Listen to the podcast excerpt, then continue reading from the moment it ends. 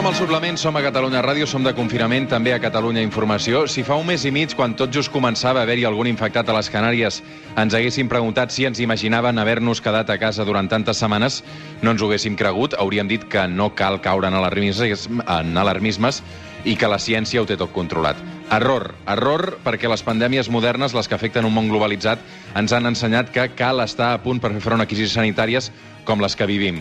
Si no, correm el perill de col·lapsar els sistemes sanitaris i la resta d'organismes públics. És una de les conclusions aquesta que podem trobar al llibre les grans epidèmies modernes, un llibre que ha escrit el metge investigador de la Universitat de Leicester i de la UOC, el Salvador Massip. Salvador Massip, a Leicester, al Regne Unit, bon dia, bona hora. Bon dia, com esteu? Molt bé, i tu? Doncs aquí, confinat, com vosaltres. Molt bé. L'epidèmia del coronavirus és un fenomen nou o no? Epidèmies n'hi ha hagut sempre, pandèmies n'hi ha hagut i n'hi haurà tota la vida. El que passa que no n'havíem tingut mai una d'aquestes dimensions eh, en les últimes dècades, no? I, aquesta és la primera així grossa que veiem aquest segle, però recordeu que no fa tant que el 2009 teníem la pandèmia de grip A, que va ser, evidentment, molt més lleu que aquesta, però ja era una pandèmia.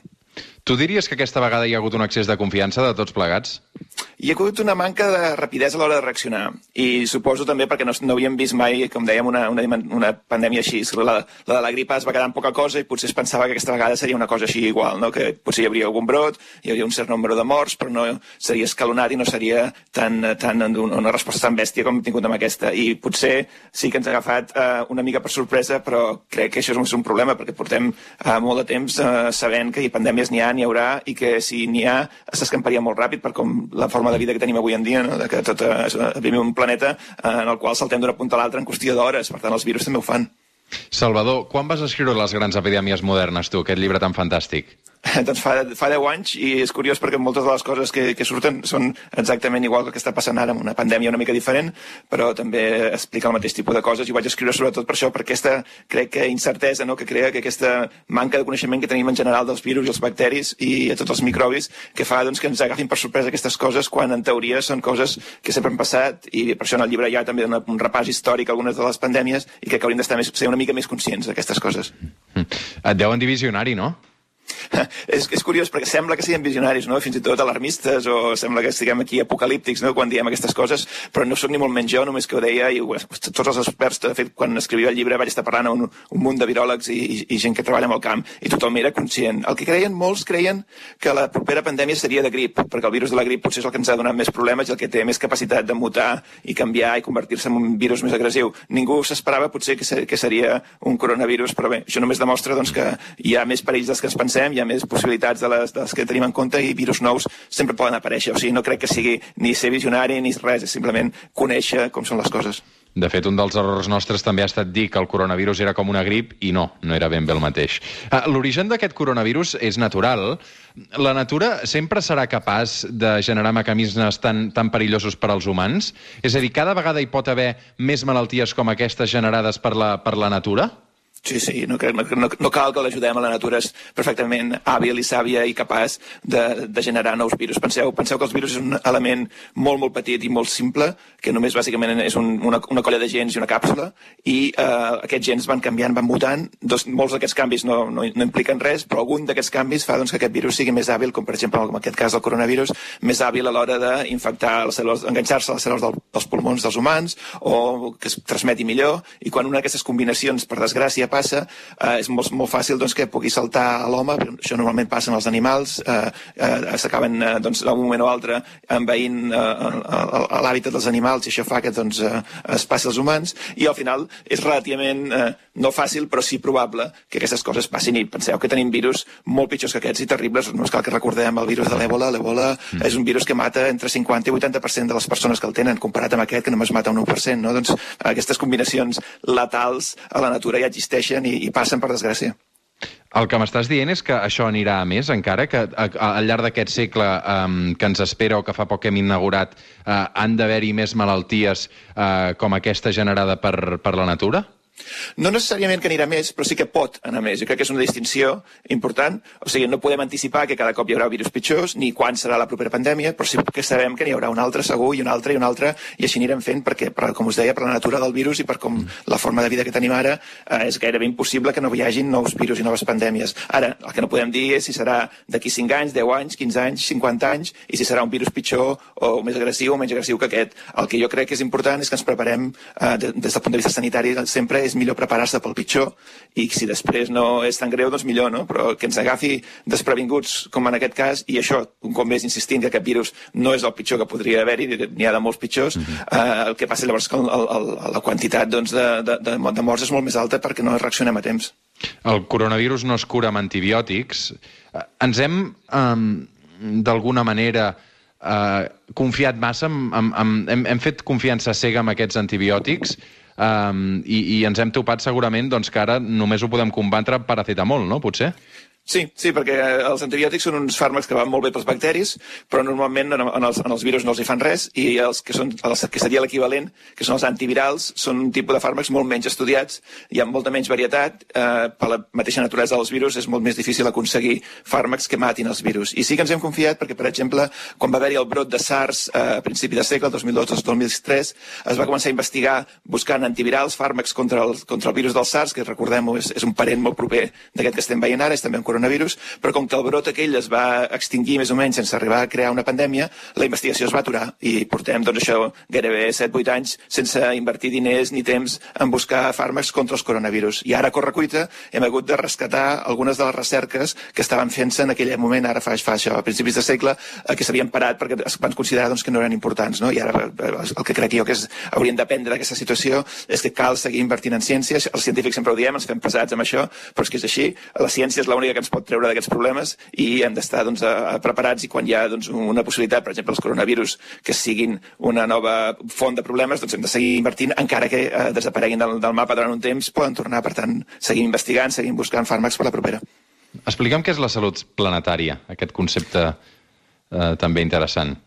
Sí, és una cosa potser una mica nova, hem sentit parlar de salut global, no? però salut planetària és, combina, crec jo, dos, els dos conceptes aquests importants, la salut humana, diguéssim, i la salut del planeta, de, la, del, del com els humans estem influint amb l'ecosistema, amb, el, amb el, tot el funcionament del planeta i com això ens torna a nosaltres. Potser l'exemple més clar de salut planetària és el, el canvi climàtic, no? de com mm-hmm. eh, amb el canvi, el, els efectes dels humans sobre eh, diferents eh, activitats eh, al planeta doncs, fa que estigui canviant les temperatures, estigui pujant la temperatura. Però que potser potser no ens estàvem fixant tant és amb el canvi que els, eh, la nostra activitat pot fer en temes com això, els que diuen les zoonosis, que són les infeccions que venen dels animals. Això moltes vegades, en aquest cas podria ser un exemple, ve doncs, de que estem eh, envaint els hàbitats dels animals, interaccionant amb animals salvatges amb els quals abans no interaccionàvem, i això fa doncs, que ens estiguem exposats a una sèrie de microbis, una sèrie de microorganismes que abans potser no haguessin passat als humans. Cal doncs, considerar doncs, aquests, eh, com a forma de defensa contra aquestes eh, pandèmies futures, començar a pensar una mica no, això com estem alterant, eh, eh, quina és la nostra relació amb la Terra, amb, amb, amb, l'entorn, com estem també, gràcies al canvi climàtic, veient malalties infeccioses que no veiem mai abans, no? doncs, eh, malalties com el dengue o el mosquit tigre famós, que són de, animals que, doncs, que no, no, no veiem aquí i ara estem veient pels canvis de temperatura. Tot això és part d'aquest concepte nou que crec jo que hem de començar a formar professionals que entenguin una mica què és la salut planetària i puguin ajudar-nos doncs, a, a buscar una mica estratègies, no? que és el que dèiem abans, ens hem de preparar per totes aquestes coses i per això cal gent, experts, que entenguin que, quins són els passos a fer per evitar que això passi, o si passa, si més no, que no ens afecti d'una forma tan, tan, tan, tan forta com ara. Som al Suplement, som a Catalunya Ràdio, aquest que sentiu és el Salvador Massip, autor del llibre Les grans epidèmies modernes. Un llibre, de fet, que eh, es va escriure, ens ho explicava, el 2010, però que continua més vigent que mai. Tu ara ens parles des de Leicester. Les últimes setmanes hem vist com el Regne Unit, o també els Estats Units, menys tenien aquest coronavirus, eh, fins que els ha arribat al damunt. Eh, serveix d'alguna cosa l'orgull nacional per combatre una epidèmia o una pandèmia com aquesta? Jo crec que això està ben demostrat que la política en general i els nacionalismes que estem veient fins i tot són una mala recepta per això, que caldria una acció més lògica i més coordinada i basada en el que diuen els experts, perquè el que no podem ser, doncs, no pot ser que estiguem en mans de líders com, com el Donald Trump, per exemple, el Donald Trump ha fet una gestió eh, penosa d'aquesta situació eh, i, i als Estats Units veurà un pic, eh, crec, molt, molt elevat de morts que, que s'hin pogut estalviar. Ho hem vist una mica també al Regne Unit amb aquestes vacil·lacions de, de Boris Johnson, que tan aviat deia no passa res, no passa res, com ara anem a tancar-nos i sense quedar molt clar eh, l'estratègia. Ho hem vist a Espanya, on no s'ha tancat Madrid quan era el focus principal de, de, de, de casos. Quines conseqüències que... creus que tindrà el fet que no s'hagi tancat Madrid? Home, si més no, ha fet que la, jo crec que, que eh, la resposta, o sigui que l'expansió del, del casos de contagis ha sigut més ràpida i la pujada de la corba, tots parlem d'aquesta famosa corba de contagis, eh, està fent, ha pujat més ràpid del, del que hauria de ser. Jo crec que tenint els exemples del que passava a Àsia, de com Corea del Sud, com eh, Singapur, Taiwan eh, van lidiar amb la situació, van aconseguir frenar-ho molt més, haurien d'haver seguit més aquell model que no el que estava fent Itàlia, que Itàlia va passar el mateix, que el fet de no tancar la zona conflictiva va fer doncs, que passés del nord cap al sud molt ràpid. Evidentment, els contagis existeixen perquè és un virus, com dèiem, molt contagiós. Fins a cert punt és gairebé impossible evitar el contagi. La clau no és tant evitar el contagi, sinó que tot, la gent es contagi tota de cop, que és el problema que estem veient ara. No? Sí, hem vist Itàlia saturada als hospitals, estem veient algunes parts d'Espanya també ja començant a saturar els hospitals. Si això realment passa, els casos més greus que es podrien tractar i es podrien salvar no es podran salvar perquè hem de començar a prioritzar perquè no hi haurà eh, material eh, sanitari per, per tractar tothom. Aquest és això crec que és el gran problema i crec que ara ho estem fent bé, fent bé finalment, eh, que és l'única arma que tenim en aquests moments és evitar el contagi i això, el confinament, és la, la, la millor manera de fer-ho. I quan tot això passi, com s'evita el rebrot? Perquè, clar, a Wuhan ja estem veient com ells estan en una altra fase, però ara el temor eh, és d'un rebrot, no? Sí, efectivament. Jo crec que la, el confinament s'acabarà, s'acabarà en un mes, mes i mig, dos mesos, depèn de com funcioni la... Dos mesos el, més confinats, m'estàs dient? No, no, ah. es, uh, tal com ha anat a la Xina, uh, ells van estar en, en, en, globalment un mes i mig. A Anglaterra ens estan dient que fins l'estiu no pensem en sortir. A Espanya estan dient la setmana que ve, clar, tot, tothom, tothom diu, fa receptes diferents. Sembla que, eh, mirant els, els altres casos, el, un confinament d'entre un i dos mesos sembla que frena, frena molt el, el contagi. Possiblement anem cap aquí. En portem ja gairebé un, o sigui que no, no potser en mm. tres, dos, tres setmanes potser ja ho veurem al final, potser no, eh? això és molt difícil d'avançar. El que, relacionat amb el que deies, que un cop s'acabi el confinament no podem ja dir, vinga, ja està, s'ha acabat, anem tots a la platja a descansar i a fer la nostra, perquè eh, el, el virus està allà i el rebrot existeix. Eh, molts experts estan dient, doncs, eh, parlant de que potser necessitarem un any per tornar a fer vida vida normal. Vida normal vol dir poder tornar a tenir, a fer concerts multitudinaris o viatjar... Podeu obrir un camp de futbol com el Camp Nou, per exemple? M'estàs dient que fins d'aquí un any potser no és possible? Per exemple, podria ser una de les coses evitar aglomeracions d'aquesta mena. Això ho hem de tenir present, que eh, el perill de que tornin a haver-hi rebrots existeix i això s'haurà de considerar molt cas per cas i a veure com estan les coses. Si aconseguim netejar, entre cometes, el país de, de, de virus, llavors s'ha de considerar què es pot fer, s'haurà, crec que, ser molt prudent, anar tornant a poc a poc a la normalitat, pas a pas, no serà una cosa d'un dia per l'altre, crec jo, perquè no seria prudent, perquè ja ho estem veient a la Xina, eh, s'ha de, de controlar molt la reintroducció del virus, perquè el virus encara està al planeta. Pensem doncs, que anem de forma desincronitzada. Hi ha països que ja estan acabant, països que estan al mig i països que estan acabant eh, el brot inicial, no?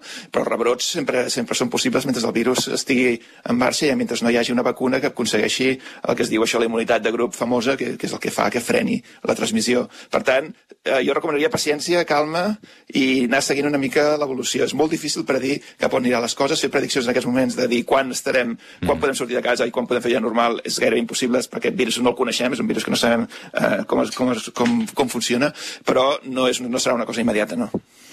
Salvador Massip, metge investigador a la Universitat de Leicester i de la UOC. M'ha agradat molt poder conversar amb tu, encara que sigui des de la distància. Un dia espero retrobar-te a l'estudi. Esperem que sí. Una abraçada.